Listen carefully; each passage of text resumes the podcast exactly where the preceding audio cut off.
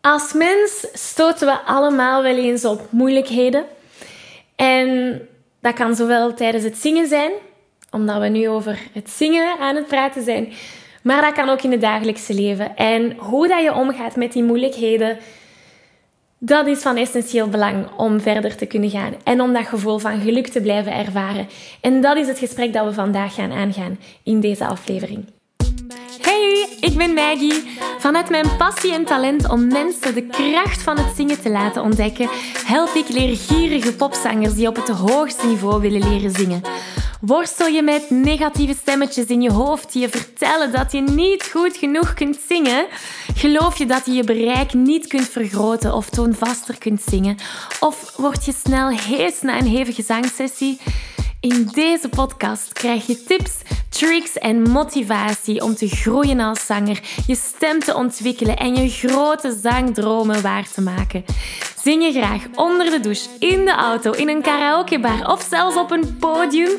Dan is deze podcast zeker iets voor jou. Klaar om het beste uit jezelf te blijven bovenhalen? Let's go! Hallo, hallo en welkom bij deze nieuwe aflevering. Wil je graag de videoversie van deze aflevering meepikken? Ga dan naar YouTube en tik Zangles met Maggie in. En daar vind je al deze afleveringen in videoformaat. Uh, mocht er iets niet duidelijk zijn en heb je beeld nodig, dan kan je daar terecht. Oké, we vliegen erin.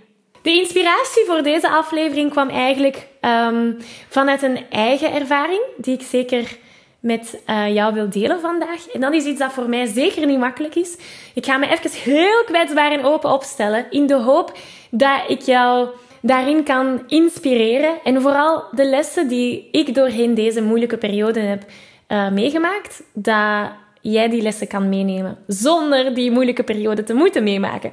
Dat is de intentie van, uh, van, van, van vandaag. Dus laten we beginnen bij het begin. Het is nu, op het moment dat ik dit opneem, 17 maart. Dus het is nu maart.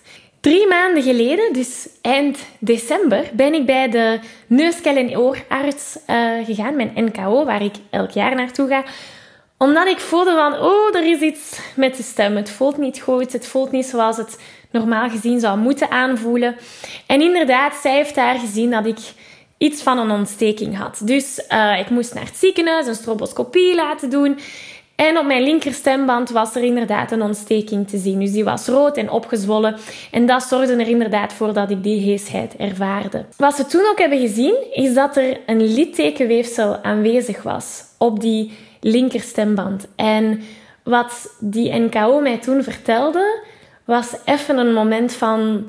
Wow, mijn wereld stort in. Want zij zei dat ik nooit meer ging kunnen zingen of vocal coaching geven of mijn stem op deze manier zoals ik die vandaag gebruik zou kunnen blijven gebruiken. Dus je kunt je inbeelden als iemand waar heel haar passie rond gebouwd is, rond het zingen. Dat is ook mijn, mijn job, mijn werk, dat is mijn onderneming, dat is mijn bedrijf, dat is mijn missie in het leven. Dat is waarom ik geboren ben. Dat is om mensen, zangers, te coachen naar de beste versie van zichzelf. Dus wanneer ze mij dat vertelde, kan je je inbeelden dat mijn wereld instorten. En ik wou haar mening, denk ik, niet accepteren. Dus ik ben bij een tweede NKO-arts gegaan in een stemkliniek. Dus een NKO die echt wel gespecialiseerd is in stem. En zij heeft mij toch al wat meer kunnen meegeven. Dus ja, dat littekenweefsel is aanwezig.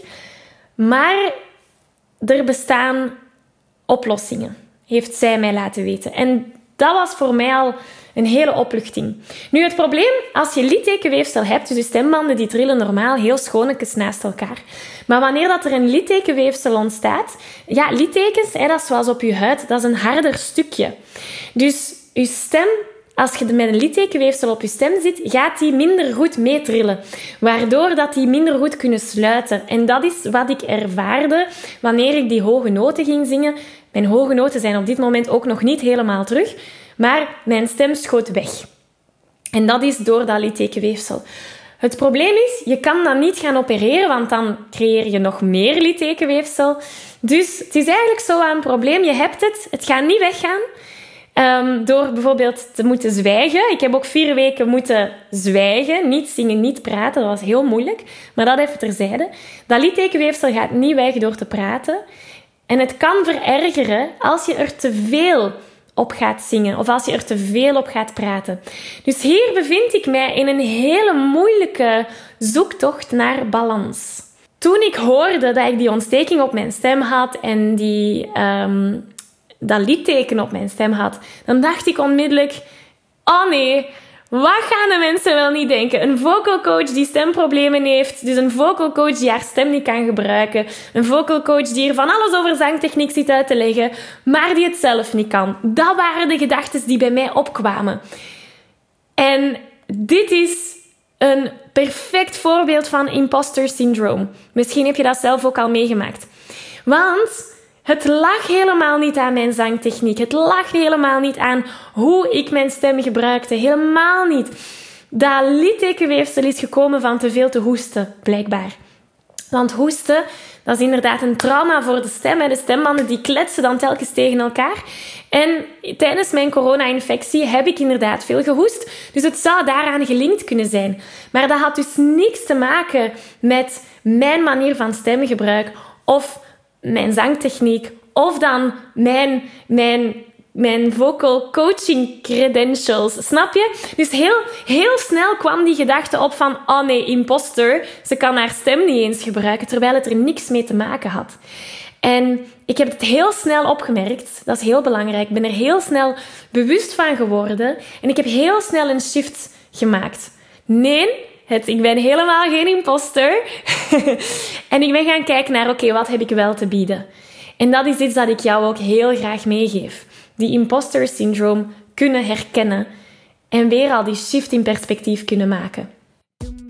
Hey, Maggie hier van de Zangles met Maggie podcast en oprichter van het unieke systeem die gepassioneerde zangers helpt om hun stem te ontwikkelen en te genieten van het zingen. Wat is dat systeem? Wel, dat is van A tot zingen.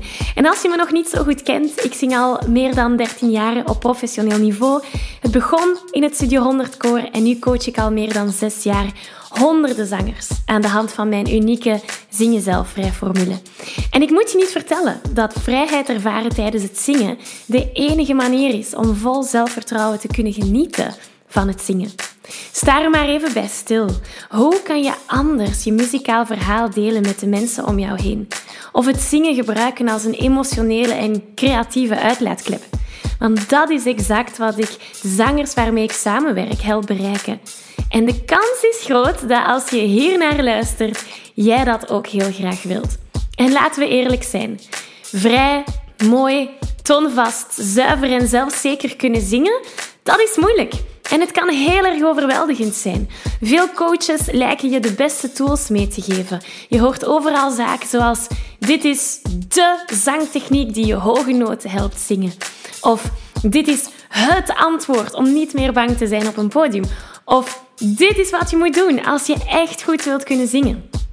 Maar het probleem is dat zingen niet beperkt is tot één ding, één zangtechniek of één mindset shift. En als je je aandacht niet vestigt op het complete plaatje, dan is de kans groot dat je één cruciaal element mist. En dat is waar ik je mee wil helpen. Op 8 september organiseer ik de eerste van drie workshops die deel uitmaken van de Zelfzekere Zanger Bootcamp.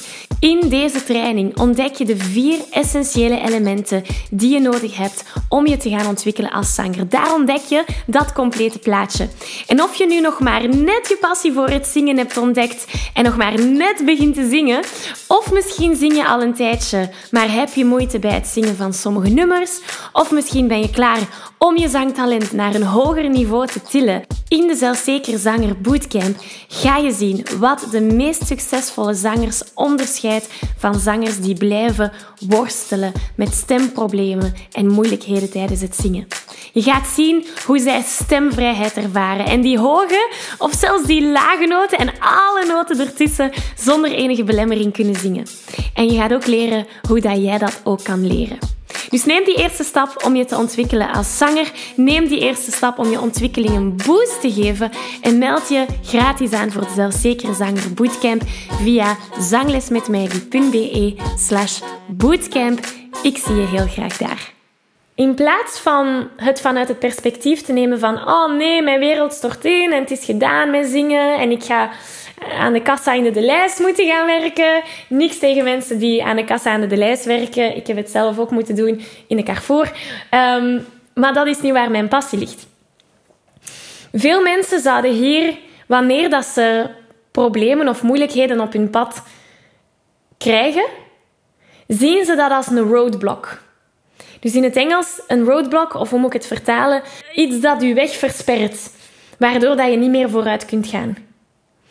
Ik had daarvoor kunnen kiezen om het vanuit dat opzicht te kunnen gaan zien. In de plaats heb ik ervoor gekozen om het eerder te zien als een speed bump. Dus een speed bump is um, waar dat je even moet vertragen, erover gaan en dan terug verder. Je weet waar ik het over heb, hè? Um, een, een ja, ik weet niet hoe dat, in het Nederlands genoemd wordt. Maar die is een speed bump.